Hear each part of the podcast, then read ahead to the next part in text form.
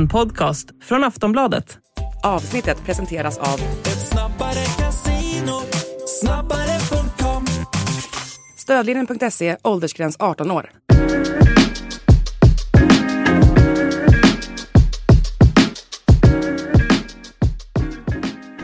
Allsvenska podden eh, den här veckan ska vi summera en eh, första del av Allsvenskan, en vårsäsong får vi säga som har varit Ja, det är väl en av de mest händelserika vårsäsongerna någonsin eh, får vi säga. Det är jag, Daniel Kristoffersson och Per Boman som ska göra det här och Ja, jag vet inte riktigt var vi ska börja här, men vi, eh, det finns ju två lag som speciellt är um, utsatta och i någon form av kris får vi säga och har varit det ett tag nu. Det är AIK och IFK Göteborg. Om vi börjar där då, i, börjar lite i moll så får vi avsluta i dur.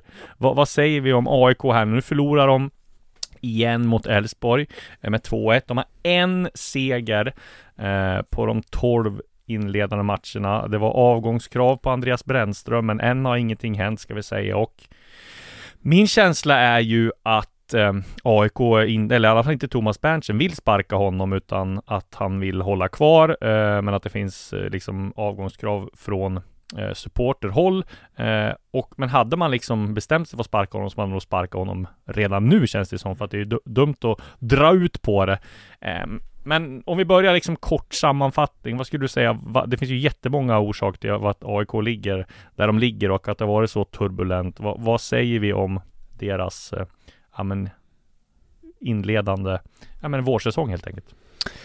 Eh, nej men eh, jag har väl ingen unik spaning där på det men det är ju, det är ju, det är klart att eh, det största, det största misstaget var, var truppbygget. Eh, även om jag då tillhör de som tycker att truppen är absolut bra nog att åtminstone eh, normalt sett hålla sig som sämst på en runt tionde plats eller så. Mm. Alltså, som, alltså, så det, det, det, är, det, men det är ett stort bekymmer givetvis att truppen inte är bra nog. Men Andreas, Andreas Brännström skulle naturligtvis gjort det bättre än vad han har gjort än så länge. Han har ju misslyckats grovt, inte lika mycket som en sån som Manuel givetvis, men, men han har också misslyckats med sitt arbete. Eh, det tycker jag är liksom, det måste man säga är helt uppenbart. Jag menar det är bara att jämföra med sånt som Glenn Riddersson till exempel i, i, i Norrköping ju, som absolut inte heller har en trupp som, som i grunden är särskilt bra, som Nej. har många luckor i truppen, som har fått pussla ganska mycket med backlinjen, som har fått slänga in en hel del olika typer av spelare i, i laget och ja, har inte närheten av en färdig trupp han har gjort ett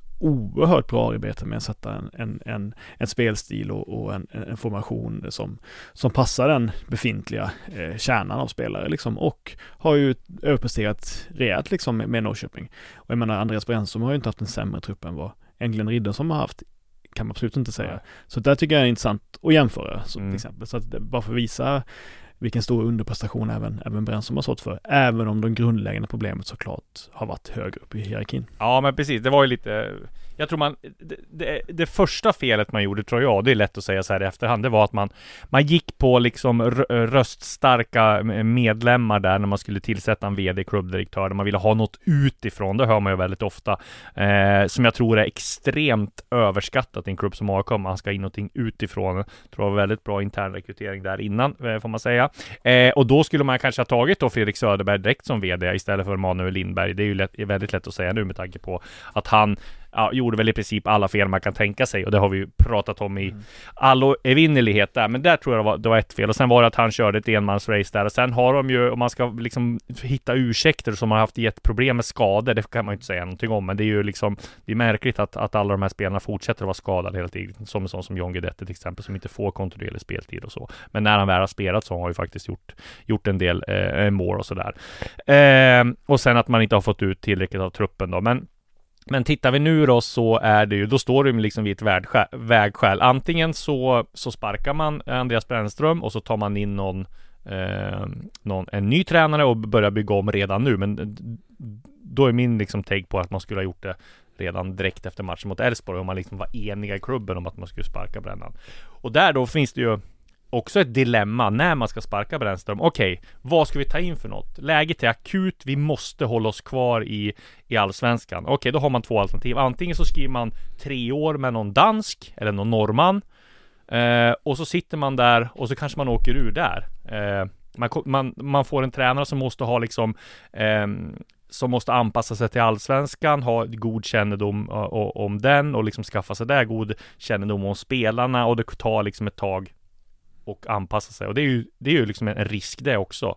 Eh, eller så går man på som man gjorde när man tog in Alex Miller på liksom ett halv quick fix. Man tar in Micke Stare på eh, kontrakt året ut. Eh, man tar in Rickard Norling på kontrakt året ut. Där behövs det ingen, liksom ingen inkörningsport. Utan där kan de exakt vad AIK står för. Man vet eh, eh, liksom premissen redan från början. Man kan allsvenskan utan och innan. Så att om jag nu hade Eh, som AIK eh, sparkat Brännström, då hade han nog tagit in eh, sån som Micke Stare eller Rickard Norling. Micke Stare är ju liksom den här eh, som kan ena, få ihop gruppen och sådär.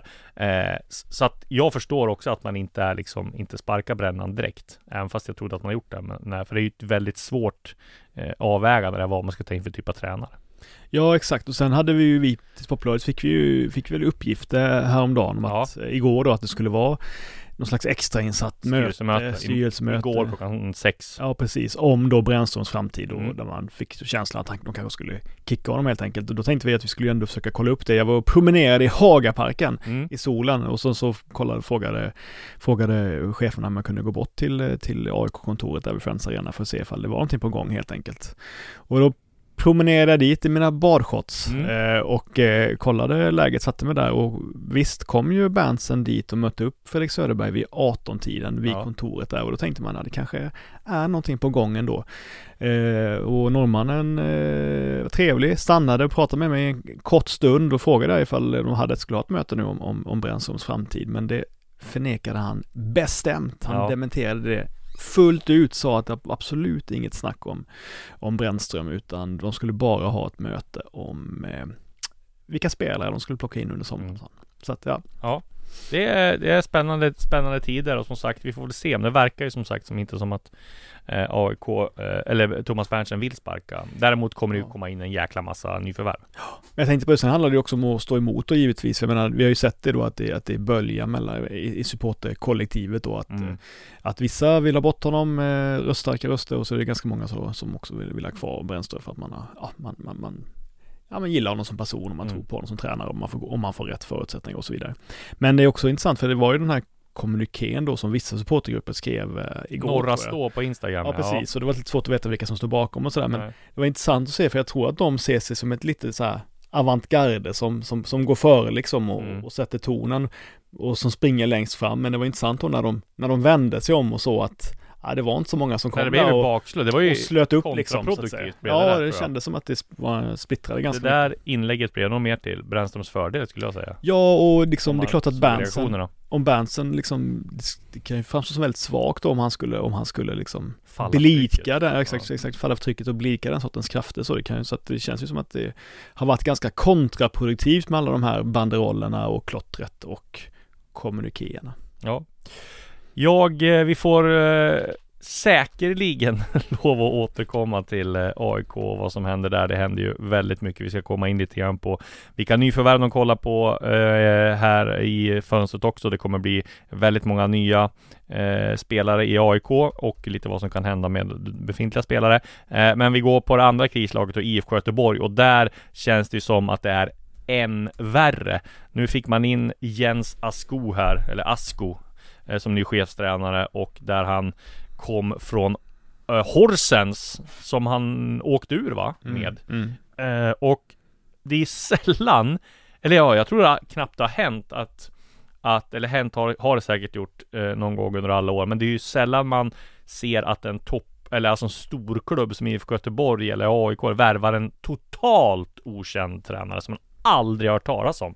Eh, och ja, hans meriter är ju inte så mycket det att hä- eh, hänga, alltså hänga i julgranen på just de klubbar och så han har varit i. Sen är han säkert en jätteduktig tränare och sådär, de har gjort koll på honom. Men eh, han fick ju ingen bra start får man säga. De torskade eh, mot Sirius och det var eh, supportrar som ja, ville ha svar från Håkan Mild och sådär eh, efter match, eh, efter ma- direkt efter matchen och ja, han har ju ett väldigt jobbigt läge får man säga för att ja, om AIKs kris är tung så skulle jag säga att Blåvitts är väl än värre. Vad säger du? Ja, det är ju klart väldigt, väldigt jobbigt när man inte får någon effekt överhuvudtaget på den här liksom injektionen som en hetlevrad dansk ska vara som, som svär mycket på träningsplanen och som vill få upp det så kallade detta kravställan och som vill få, få, få upp energin och så vidare och sådär. Men om det var energi som han skulle bidra med så märktes ju inte det i Sirius-matchen. För att jag, jag menar jag, jag är fan lite i hans meriter och så. Jag tänkte att vi ska kolla, Ja. på, kolla hur laget spelade liksom Mm. mot, mot Sirius och det var ju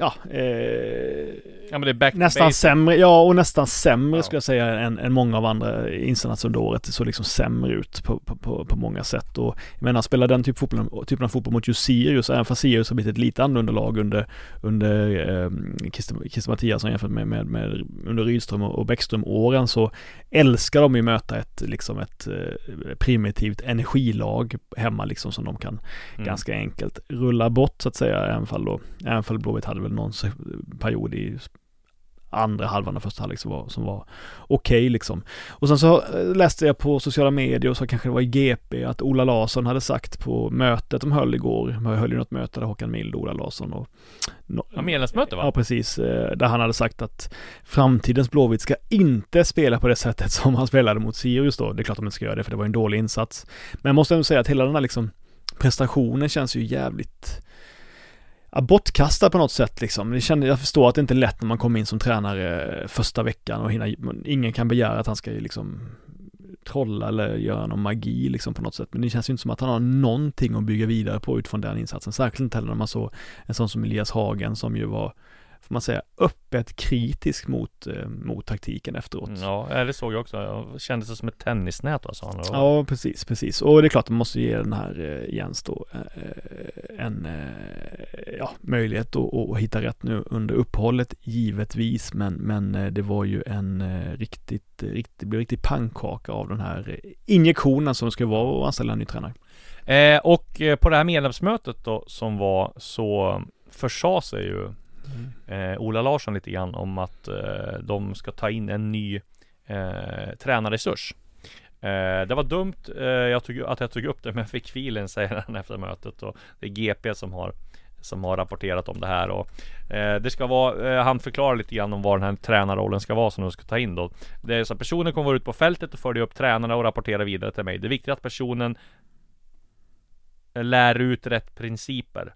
Det andra är att personen kommer ha ansvar för de unga spelarna, hjälpa till med extra träning och sådana saker. Det behövs något mer än bara ett mellansteg mellan U19-laget och A-laget för att få upp spelare. Det här känns ju lite som den rollen som Tony Gustafsson hade i Hammarby, som liksom individuell tränare fast kanske lite mer utvecklad sån. Så att en sån eh, process redan igång och det låter ju vettigt att de skulle ta in ytterligare en tränarresurs då. Ja, de har ju en hel del nu i alla fall. Det blir ett, Ja. eh, det blir ett nytt omklädningsrum bara för staben i, i, Ja. i, i Blåvitt. Men jag tänkte på det som, ja men också på, på Askodos fotboll han, han, han skulle spela liksom. För att han har ju pratat mycket om energi, energi, energi och liksom att man ska, ska löpa med, ha, ha högre tempo och så Ja. vidare. Och det var ju precis Ola Larsson sa när jag intervjuade honom för några veckor sedan. Då sa han så här, vi behöver sätta en fotboll som publiken känner sig hemma med. Vi behöver synka vår fotboll till publiken. Det är redan jobbigt att komma till Ullevi. Det har jag upplevt själv i andra klubbar, men vi men kan vi hitta ett spelsätt som ännu mer får ihop eh, publik och spelare, då kan det bli ett rent helvete för motståndarna att komma till Ullevi. Det är den fotbollen jag vill se. Inställning, snabba omställningar, fart och kraft. Ja. Och jag menar, ja, det låter, liksom, det låter nästan som att det är Håkan Mild som pratar. Liksom, Ja. så att, eh, och det är väl det som han kan bidra då med den här dansken, men, men, eh, men eh, ja, det låter ju väldigt mycket som star i fotboll också. Så att, Ja så men att, det är så, så känns det. så det är svår, ja, väldigt svårt att se vad som är den, den röda tråden i, i, i hur Blåvitt ska se ut nu. Det fi-. Det finns ju inte en chans på kartan att, att ja, de hade behållit Micke Star, att man hade gått så här dåligt då. Det tror jag absolut inte. Han hade nog kunnat få till att man hade haft 6-7 poäng till i alla fall tror Ja, jag. man kan ju säga att de, de, man kan ju säga åtminstone att de inte, alltså det såg ju fruktansvärt ut i, kuppen där givetvis eh, mot, eh, mot Gais men, men man kan ju inte säga att, att det har fått någon positiv effekt i alla fall. Nej, Det- absolut. Därför inte.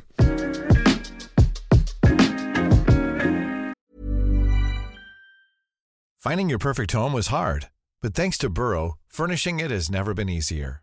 Burrow's easy to assemble modular sofas and sectionals are made from premium, durable materials, including stain and scratch resistant fabrics. So they're not just comfortable and stylish, they're built to last. Plus, every single Burrow order ships free right to your door. Right now, get 15% off your first order at burrow.com slash ACAST. That's 15% off at burrow.com slash ACAST.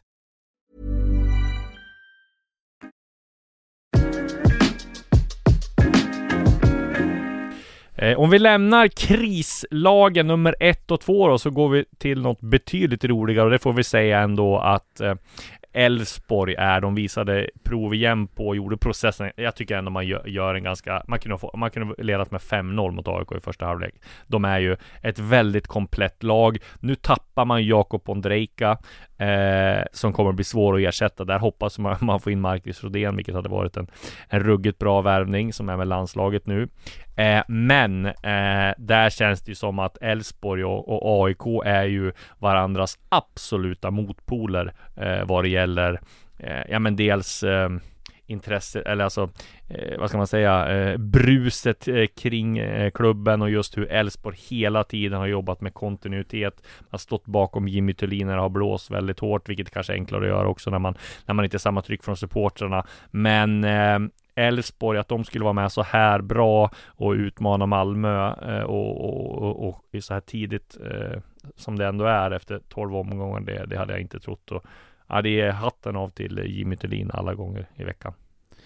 Ja, precis, precis. Jag satt faktiskt och tänkte på, jag skrev om det i vår panel nu också, så här att det är så intressant för att nu Jimmy Tillin med all rätt har ju blivit då sönderhyllad under, under våren, liksom även Andreasson för sin förmåga att stå bakom sin, sin tränare. Men jag hade tänkt mycket på också liksom att det finns sådana här sliding doors ögonblick lite också under säsongen och det var ju så att Thelin var ju liksom väldigt kyligt inställd verkade det som i början och till, till Lagerbjälke. Mm. Jag minns, jag var ju nere på, i Portugal på försäsongen och, och Lagerbjälke, rätt. Lagerbjälke fick, Ja. inte, fick inte spela Nej. alls mycket på försäsongen. Det var ju han, ehm, eh, det var ju eh, Gustav Henriksson och Buhari Ibrahim som, som Ja. fick spela bredvid Sebastian Holmén egentligen hela tiden. Sen var inte de, sen även de tror att två eller tre första omgångarna i Allsvenskan så var Lagerbjälke petad. Det var, eh, det var liksom Holmén absolut, men så var det Ibrahim eller, eller, eller Henriksson som, som det verkade som, som han skulle satsa på Thelin och det var ju så stor överraskning tyckte jag, för, och alla, för att vi var många som bara räknade med att Lagerbjälke skulle liksom sömlöst kunna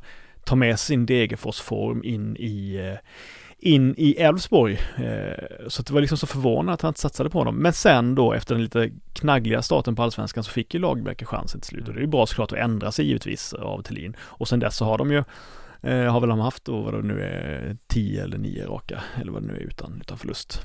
Kanske ännu fler, förlåt, ni får be, jag ber om ursäkt om jag inte har rätt Ja. eh, siffror. Men jag bara menar att det är liksom, även en så unisont hyllad tränare har ju också då stått för en, liksom ett potentiellt jättestort misstag när han Ja. inte satsade på Lagerbäck från, en bör- från början liksom. Så det är, ja, det är bara intressant att tänka på att allt inte är svart och vitt alltid liksom. Nej, det eh, kan lätt bli så i den här branschen. Sen tänkte jag på det du, har- du har skrivit om Os- Oskar eh, Pettersson va? Ja, precis. Till, till, eh, till, eh, Både till Elfsborg och Blåvitt. Ja, och det tyckte jag var intressant med just Elfsborg, för att jag menar, de har ju alltid varit väldigt bra på att värva yttrar, liksom. Mm. Det har ju varit en stor del av Elfsborgs spelare, det är många, många år, även innan Thelin, under Haglund och sådär, varit väldigt duktiga på att hitta dem.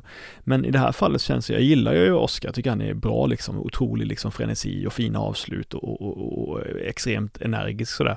Men, men han är ju lite, lite, lite äldre och så att det, det känns inte som en Jesper Karlsson, Ondrejka eller Ockelsvärvning, utan lite mer som när de värvade, om du kommer ihåg, liksom Simon Lundevall och Ja, ja. Daniel Gustafsson Mm. typer liksom. Mm. Och de gjorde många bra insatser i Elfsborg, Mm. men de lyfte kanske inte upp dem till en Nej. kamp om Europaplatser om jag, om jag minns rätt liksom. De, även, även, även om de var bra allsvenska spelare. Men det, eh, jag vet inte, jag bara, eh, liten reflektion. Nej, jag, Oskar Pettersson gillar jag så. Jag tror att han, eh, liksom komma från BP till Elfsborg, det är väl ett rätt perfekt steg och han känns som en, nej men känns som en, en människa, person som skulle passa bra in där. Så det blir spännande att se. Och ja, i det här läget går man väl hellre till Elfsborg än, än Blåvitt. Samtidigt då, BP vill ju förlänga och BP vill ju hålla väldigt hårt i honom. Mm. Jag vet att de ska, kommer sä- de var ju inte i närheten att sälja honom till, Norrkö- sälja honom till Mhm. Norrköping. Mm. Där tror jag Norrköping gav två eller så här och de skulle ha fyra eller något så att det var Och nu har det höjts Eh, ytterligare. då. Nej det tror jag inte eftersom nej. kontraktet går ut men det är ju liksom eh, Det är ju liksom De ser väl att Ja men vad är ett allsvenskt Mm. eh, liksom kontrakt värt kontra att han kan gå som bossman Mm. efter säsongen och jag menar Samtidigt då eh, BP har 19 poäng nu va? Mm. Det känns som att de ska ha 11 till eller har de eh, 16 eh, De behöver i alla fall typ eh, Fyra vinster till så är de eh, Fyra, fem vinster till så är de garanterat eh, Garanterade Att eh, 19 poäng av dem. Ja 19 poäng precis det, Då är det typ 12-13 poäng till behöver de Så att eh, Ja det känns som att de kan nog Jag behöver inte blanda i sig någon bottenstrid med tanke på hur bra det har gått. Eh, så var det med det. Om vi går till, jag, jag tycker det här, det finns ju tre lag som liksom är, har varit i särklass och det är ju Elfsborg, Häcken och Malmö FF får vi börja med. Vi flyttar oss till Malmö då så var det ju en ett klar seger här senast. Taha Ali skrev jag om, tycker han var ruggigt sevärd, en av allsvenskans mest sevärda eh, spelare så här långt. Han, eh, ah, han var, gjorde ju ett eh, mål som påminner lite om Kurre Hamrin också, där Mm. han gick vid, vid sidlinjen och det var eh, ruggigt imponerande att se och, och man ska tänka att Malmö äh, tog den här segern då utan Isak Kiese som är skadad och man har haft lite skador på en annan, AC menar borta AC också. borta hela eh, liksom säsongen sådär så att nej, eh, Malmö är nog också förutom då skadorna på, på, på AC och Kiese Thelin så är de nog väldigt nöjd med, med den här vårsäsongen. Ja, nej, men det är väl liksom starkt att och liksom kunna och kunna vända på det, på det, inte bara resultatmässigt utan även spelmässiga underläget som man hade där i första halvtimmen eller första 20 minuterna av matcherna mot, mot, eh, mot eh, Värnamo. För jag menar, jag satt och reagerade på det i början av matchen på hur, hur inte ska jag säga enkelt, men hur skickliga de var Värnamo på att bara hela tiden, hela, hela, hela tiden hitta in med liksom raka passningar genom Malmö upp på, på mittfält och anfallare hela tiden liksom. Så jag säga att de gjorde kanske det jag ska, inte- kan inte överdriva, men tio gånger liksom första halvtimmen kändes Ja. som att de som att de kunde slänga upp en boll förbi Malmös press upp på en spelare som, som bara kunde vända om och skapa ett, ett vasst anfall. Så det var ovant, ovant att se. För Malmö brukar ju mest släppa till chanser med lite längre bollar bakom deras eh, bakom deras högt stående backlinje liksom. Och det accepterar de på viss må- i viss mån, men jag tror absolut inte de var särskilt glada över att, över att Värnamo på ett så skickligt sätt liksom, liksom lyckades nysta upp dem och hitta in centralt mellan lagdelarna och hela tiden då hade tid att vända om och bygga spel och så det. Så det var jävligt bra utav av Värnamo. Men då är det ju också starkt givetvis av Malmö att inte säcka ihop på grund av att man hamnar fel taktiskt och spelmässigt i, början av matchen. Så att, äh, det var ju faktiskt en väldigt fin insats av, av, av båda lagen. Ja, verkligen. Och eh, om vi går över till Häcken då så har de också gjort en väldigt bra eh, vårsäsong. Eh, där blir det ju framförallt spännande vad som händer med eh, Benny Traoré, allsvenska skytteligaledaren, där jag vet att det finns intresse från Anderlecht som eh, vår kollega Micke Wagner skriver. Det finns holländska och andra holländska och belgiska klubbar som, som är där och rycker och ska Det var, Häckens- det var Ajax han skrev va? Ja, precis. Han hade varit där och scoutat honom, just ja. just. Och så har du ju Aman Romeo också som är där och de, eh, som jag fattar det som så är de inställda på att sälja båda men då kommer det bli dyrt. De vill väl ha ja, 30-40 miljoner minst i alla fall för dem. Eh, och det kan de nog få eh, beroende på vilken klubb det är med, som just utmanar dem. Benny Traoré som Ja men eh, allsvenska skytteligaledare brukar ju om man öser in sådär många mål och med tanke på det internationella steget han har så Mm. brukar han ju eh, Brukar de ju säljas. Däremot blir det ju svårt att ersätta, alltså hitta ersättare men där får väl Häcken hosta upp lite pengar då om de ska vara med i guldstriden. Ja men det är väl klart att, att, att det, är väl, det är väl liksom en blessing in disguise på något sätt att Sadik drar på sig småskador hela tiden Ja. vilket gör att han är väl Exakt. kanske redo då igen efter uppehållet om, om, om Traoré säljs och då kanske inte någon klubb häng, eh, liksom hugger på honom precis just nu och så kan de ha honom resten av, av hösten och han är ju, tycker jag, även om jag gillar Traoré, jättefin spelare så tycker jag Sadik är liksom en ja, mycket bättre spelare på många sätt och vis. Liksom. Han har många fler delar av sitt spel och, och mycket mer flexibel och, och, och, och en helt annan höjd på något sätt. Så skulle kunna sälja Tauré för, för någon slags överpris samtidigt som, som Sadik är kvar så är det otroligt bra. Och sen är det där som har sagt från början kring Häcken. Deras nyckelspelare är ju i en perfekt jävla ålder. De har, Ja. de har så pass bra truppstrategi att de kan sälja sina, så att säga, det näst viktigaste segmentet. De kan säljas som kanske Olden Larsen eller, eller Traoré eller, eller nu, nu är Sadik helt viktig sig, men, men Am- Amana och sådär.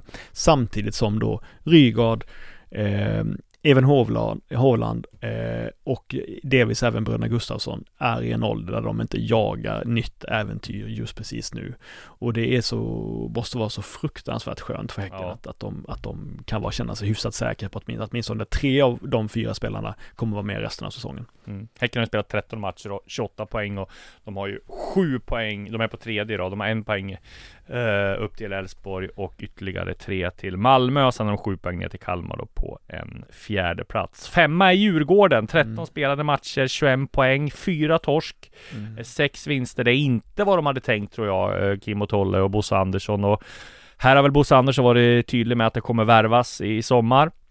Eh, men vad säger vi om Djurgården då? De vann ju sen, eller de spelade oavgjort senast, var 2-2 eh, hemma eh, mot Norrköping, underläge 2-0.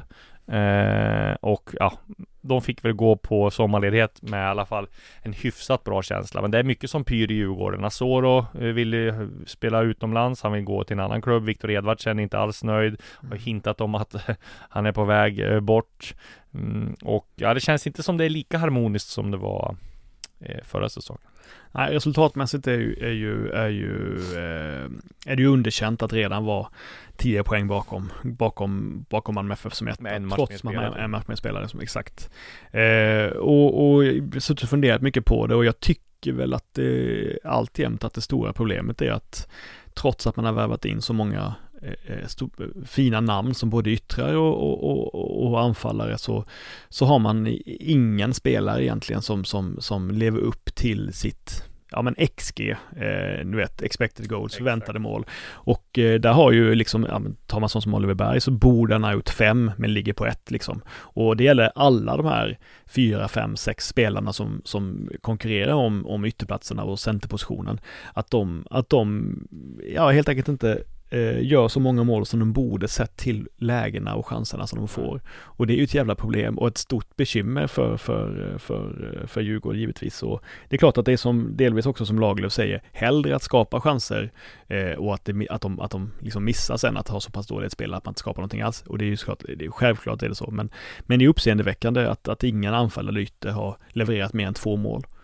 Nej. Eh, det, det, det håller ju inte. Framförallt så Oliver Berg som jag pratade om tidigare, som inte alls har kommit in bra idag. Ja, men jag tycker, Oliver Bergs fall tycker jag åtminstone att han är jävligt delaktig liksom, att det händer saker runt omkring och sen så absolut, jag, jag var en av de som hypade den värvningen rejält inför säsongen och trodde att det skulle bli, eh, självklart skulle han, skulle han, ja men självklart skulle han gå in och vara ungefär lika bra som i, i Kalmar och, och, och så, men, men, eh, men eh, jag, jag tycker liksom ändå att han är jävligt involverad på något sätt, så, så, så, men, men eh, kanske att man kan spela honom som, mer som, som, eh, som eh, den offensiva spetsen på mittfältet snarare än center. Men då måste man ha en center som, som fungerar och Asoro och Elvasen och de här Bergström och så vidare har ju inte, har inte gjort det liksom.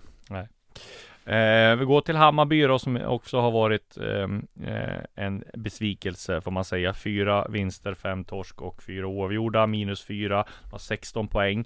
Eh, där var det ju intresse från Hearts då på Martis Cifuentes, men där var som jag förstått det aldrig nära att det skulle bli av då. Cifuentes var väl, ehm, ja, han var väl inte supersugen samtidigt som Harts inte hade han som som första var heller då så att eh, men de var där och högg lite grann och eh, ja eh, stannar i alla fall. Vi räknar med att han blir kvar också. Och eh, Bayern har ju, ja nu har ju eh, Jesper Jansson då lämnat över sportchefsrollen till eh, Micke Hjelmberg som är tillförordnad sportchef. Eh, de söker ju efter en, ja, eh, teknisk direktör slash sportchef eh, nu. Eh, Jesper Jansson eh, är ju på väg till Omonia Nicosia eh, som Expressen skrev om här eh, för ett tag sedan. Och ja, det är väl en bra utväg för Jansson i så fall då får ett jobb utomlands. Och så kan Hammarby, ja det var väl i samband med det då som eh, de lämnade över till Micke Hjelmberg för jag menar på om han har tankarna på något annat jobb. Eh, Jag fattar det som att han hade fler anbud också, Jansson, eh, som att ta ställning till. Eh, då är det bra att Micke Hjelmberg får ta tag i det här. Men sen då efter det så gick de ju ut på sin hemsida och var ganska tydliga med att de kommer inte göra några större investeringar eh, i spelartruppen. Eh, de letar väl, eh, eh, som jag har förstått det, letar de efter en nia som har skrivit om tidigare och så en, eh, en ytterback då. Sen tror jag inte det blir så mycket mer. Sen kan det bli så att Edvin Kurtulus till exempel försvinner och säljs. Det är väl den som de är närmast att sälja och då kanske det måste in någon ersättare där. Men i övrigt så tror jag inte Hammarby har gjort väldigt, några fönster där de har gjort väldigt mycket eh, stora investeringar. Ta en sån som Mikkelsen till exempel som, som eh, kom för väldigt mycket pengar och så jag tror att det, det är nog ganska sunt tror jag ändå att eh, Bayern inte liksom gasar på för mycket i det här fönstret för att nå en, en, liksom en topp tre utan jag tror att man räknar nog att det här blir ett mellanår ändå. Kanske att de kan komma topp tre om de, de liksom allt stämmer men annars blir det nog ett mellanår. Ja, Topp tre tror jag är nästan eh, Ja, det är- kört liksom, ju eh, mer eller mindre kört. Men däremot tänkte jag på jag håller med att man, man ska inte gasa eh, ekonomiskt för att man ska försöka nå, för att man ska, för det vore, eftersom det är så långt ifrån just nu, Europaplats i Allsvenskan så är ju det, är det så pass liten chans, det är ju inte kanske inte värt att slänga pengar på och försöka hanka sig upp eh, med en quick fix så. Däremot så ska man ju kvala till Europa ju.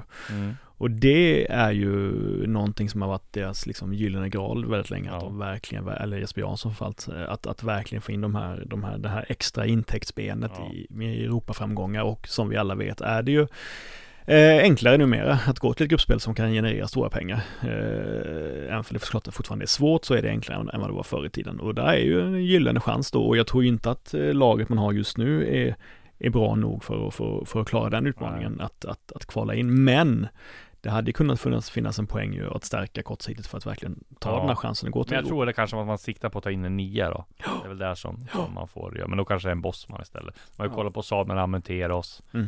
Finns Dino Islamovic finns liksom. mm, Som också har synts på ham- läktaren där på Tele2 så det finns ju några Jag som. minns att Tankovic några till hyllade Islamovic som fan för två år Jag var ju sedan. med på januari Ja, precis. Så att de, de verkligen ville ha honom till Bayern Ja. alltså. Men det, det, har- det har runnit mycket vatten under broarna sedan dess Ja. givetvis. Får man lugnt säga.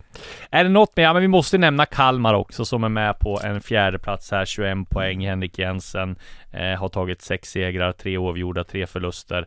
Eh, och nej, jag ska säga, jag trodde aldrig att de skulle få ihop det så här bra, vara med så här bra med en ny tränare och Rydström har försvunnit, Oliver Berg har försvunnit, men det är bara att lyfta Och Kalle Gustafsson har missat stora delar av säsongen också. Det är också ett väldigt bra jobb får man säga. Ja, verkligen. Eh, och att hålla det här, att hålla det här eh, resultatmässiga snittet och den här sjuka överprestationen som de gjorde förra året när de hamnade fyra och att då gå till sommaruppehåll på samma position, det är väldigt starka papper och eh, får ju varmt stor, gott betyg för det. Mm.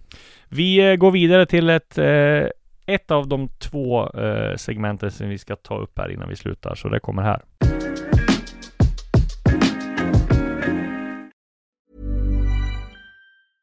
Hey, I'm Ryan Reynolds. Recently, I asked Mint Mobile's legal team if big wireless companies are allowed to raise prices due to inflation. They said yes. And then when I asked if raising prices technically violates those onerous two year contracts, they said, What the f are you talking about, you insane Hollywood ass?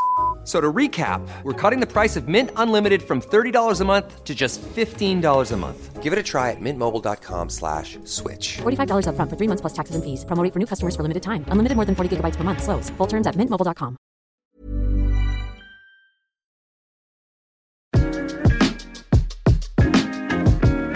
Ja precis, vi ska bara ta kort då vem som har varit eh, hittills säsongens tränare. Ska du Mm. eller jag börja? Ja, börjar du?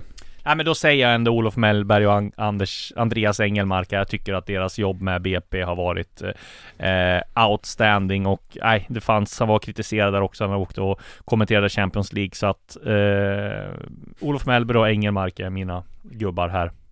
Ja, nej men det är den klart största överprestationen så här långt. Så att eftersom jag tippade BP som eh, nedflyttningskandidat och de nu ligger sexa och har mer eller mindre eh, säkrat kontraktet på, på, på kan man ändå säga, även om de inte har nått upp till de poängen som, så, så borde de nå upp till, till eh, runt 30 poäng. Så jag håller med dig. Självklart måste de få, få mest beröm för den här våren. Och eh, spelare då?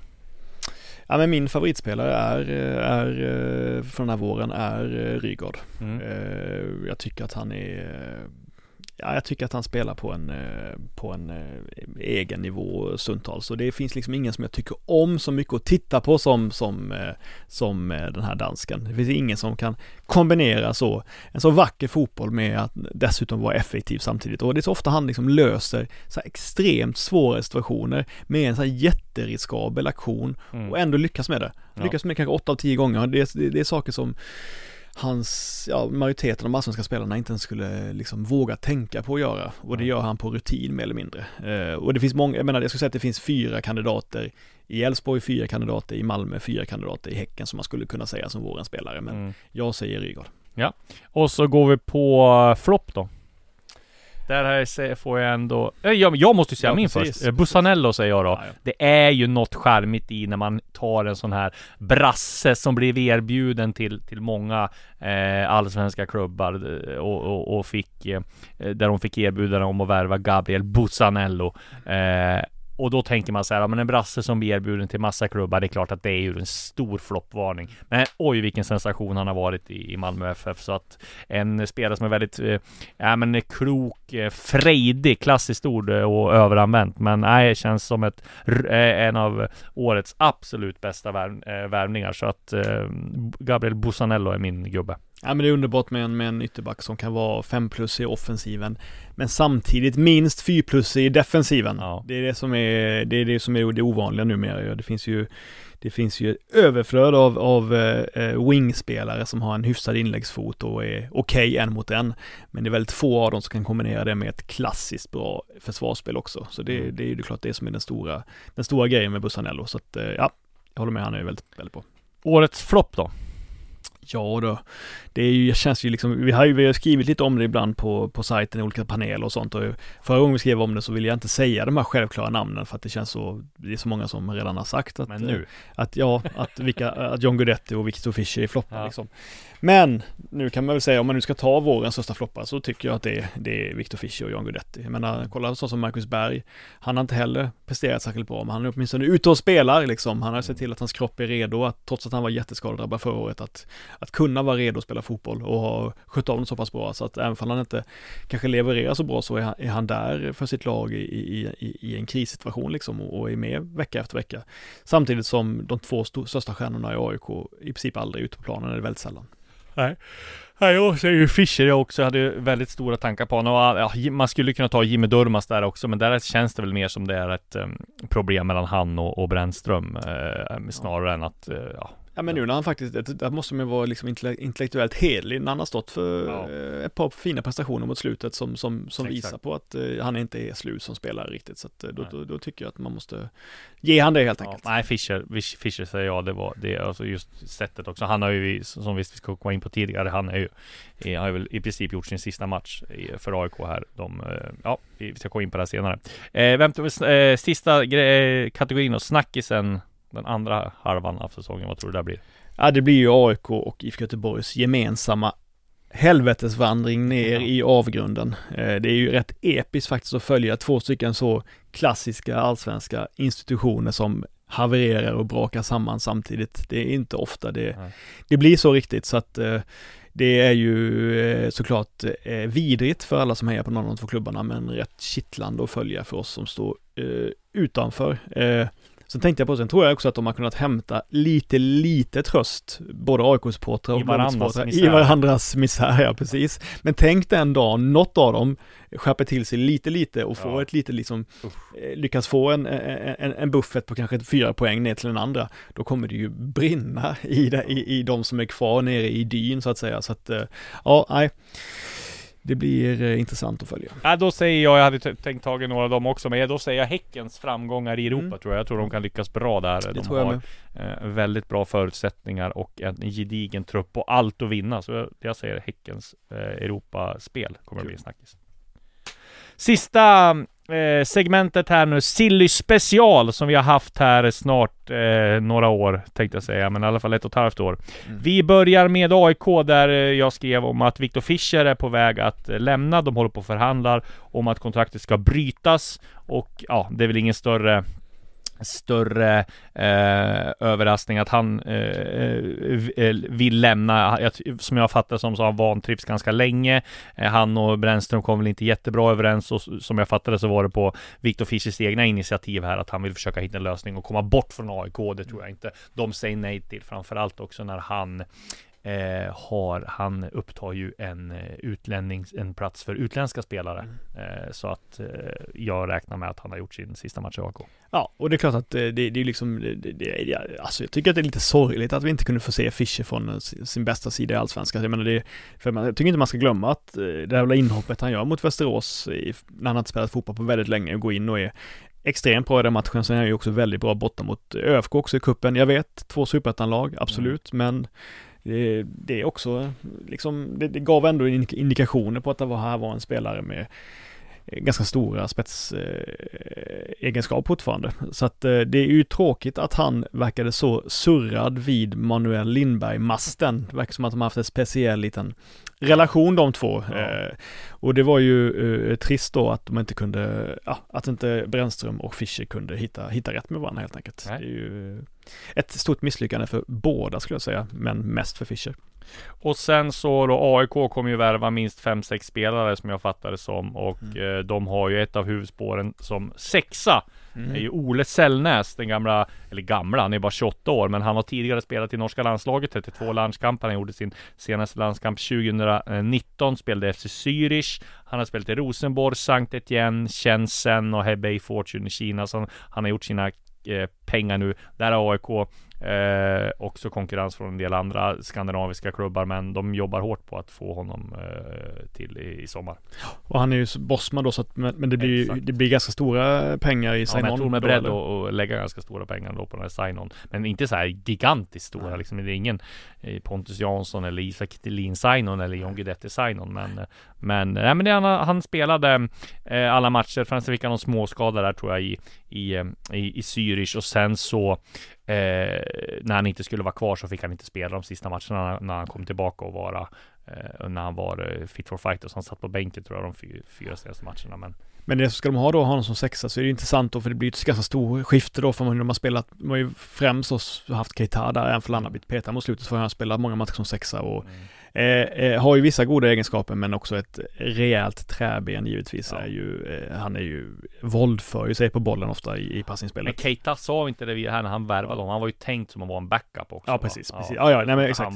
Så här. Men, men då ska väl säga, eh, norrmannen då ska ju ha jätte, jättefint liksom långt spel, jättefina eh, inläggsspel, jättefina hörnor. Alltså han har ju, ska ju vara en Ja, väldigt skicklig exakt. passningsspelare då. Mm. Men det är intressant för att där har man ju också, nu har inte han, så att säga, nu har han dels haft en dålig relation med tränaren, dels varit skadad en del, men Jimmy Dumas är ju egentligen också den spelaren som ska Ja, vara. fast har inte han, äh, Brännström sagt att de vill ha mer värva Durmaz som en åtta eller något sånt där? Jo precis, och det är egentligen, Ja. eftersom, eftersom Durmaz, han är ju inte så här, även om han har varit helt okej i sista matchen så är ju inte han jätteviktig i truppbygget, men, men det är ju lite då att, eh, att, eh, att, eh, de ska försöka spela då med, med en sexa som kanske inte är fighter i första hand, utan som är, som är en bollspelare liksom, som, som, som gillar att bygga ett, eh, ett eh, så att säga, lång, bygga mer metodiskt eget passningsspel så att säga, så att då blir det intressant att följa norrmannen om man kommer. Det är ju ändå, det är väl ändå ganska ambitiöst att försöka få loss Ja, ja. honom. Men det tror jag det är den hyllan de måste ta nu om de ska hålla sig kvar tror jag. Och det är vad jag har hört att AIK söker från den hyllan. Landslagsklass eller liksom snäppet under Mm. eh, på Bosman-spelare eller de som de kan få liksom. Så att det, det är, eh, nej det tror jag är den hyllan de absolut kollar på. Mm. Eh, och du, danska BT skrev här igår om att eh, MFF är nära att köpa loss unge Mm. anfallaren Sebastian Jörgensen, 23-åringen från Silkeborg. Du har info, senaste nytt där, berätta. Ja, inte, jag har inte så mycket nytt om vad som ska hända, men däremot så pratade jag med en norsk, dansk, förlåt, en dansk journalist som gav mig, tyckte jag, väldigt intressant, eh, intressanta tankar kring den här Jörgensen. Och han sa ju då, vilket kanske många känner till, att han var ju otrolig då för Silkeborg när de eh, väl kom trea för eh, två år sedan. Eh, han var fantastisk då i danska ligan liksom och var en av tre i en, i en, i en fronttrio som, som väl eh, högerytter som viker inåt eh, med sin vänsterfot. Eh, och eh, även fall Sören Rex är högerfotad så säger den här danska journalisten att han på, påminner väldigt mycket om en ung Sören Rex. Ja. Vilket ju på något sätt skulle vara en fin liten eh, Komplimang. Ja, väldigt fin komplimang och en- liksom låter ju som ett vettigt sätt att, eh, att jobba på också. Eh, så en enorm potential säger den här dansjournalisten, men då kommer från en väldigt, väldigt tuff säsong, vilket gör att han att han behöver en ny miljö, en ny utmaning och därför känns det då rimligt med Malmö FF. Så att han, Mm. han tyckte att det var liksom en, en, en affär som, som kändes rimlig för, för, för båda, båda parter. Eh, sen så kollar jag, hans siffror är ju klart sämre i år jämfört med förra året. Han har väl sex mål, två assist, men jag kollade att hans liksom expected assist och sådär var mycket, mycket högre egentligen. Så att han har visst skapat en hel del chanser men inte varit lika delaktig i, i poängproduktionen som tidigare. Han gjorde väl svinmycket poäng eh, eh, för två år sedan då, 11 mål och 9 assist. Så att, nej, det, det känns väl som en, eh, som en jäkla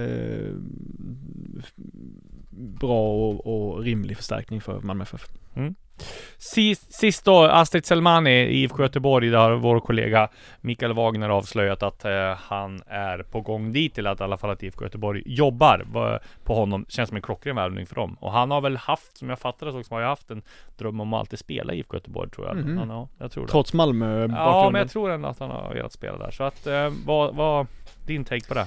Ja, det är ju svårt att, att säga, alltså de ska, de ska ju, Blåvitt eh, kan ju, kan ju liksom inte eh, direkt eh, välja handplocka precis som de Nej. vill, ta in vilka spelare som helst. Så att, att få in en Nasser Selmani som ju är ändå en bevisad allsvensk anfallare eh, som, som eh, lägger ner ett jävla... Blåvitt har trots allt haft ett ganska bra pressspel under, under delar av våren eh, och där är ju Selmani duktig och, och driva det och, och ha en jävla energi om de ska spela också den här energifotbollen som Ola, Ola Ja. Larsson och den nye dansken pratar om så är han rimlig. Sen är han ju eh, ingen jättebra avslutare alltid Selmani, det kan, eh, det kan man inte säga, men, men han är åtminstone väldigt bra på att skapa läge för sig själv liksom. Eh, han är ju en murbräcka lite där framme och har en har en jäkla energi, ofta positiv energi också så att eh, ja, det är väl, det är väl rimligt att försöka med honom absolut. Ja. Och eh, med det så säger vi tack och hej för den här veckan. Eh, Allsvenskan har tagit en kort paus, men vi håller igång podden här eh, varje vecka i, i sommar också ska vi försöka göra. Så att vi är på återseende och återhörande nästa vecka. Tack för det. Du har lyssnat på en podcast från Aftonbladet. Ansvarig utgivare är Lena K Samuelsson. Selling a little or a lot? Shopify helps you do your thing however you cha-ching. Shopify is the global commerce platform that helps you sell at every stage of your business. From the launch your online shop stage to the first real life store stage, all the way to the did we just hit a million orders stage. Shopify is there to help you grow. Shopify helps you turn browsers into buyers with the internet's best converting checkout. 36% better on average compared to other leading commerce platforms because businesses that grow grow with Shopify. Get a $1 per month trial period at shopify.com/work. shopify.com/work.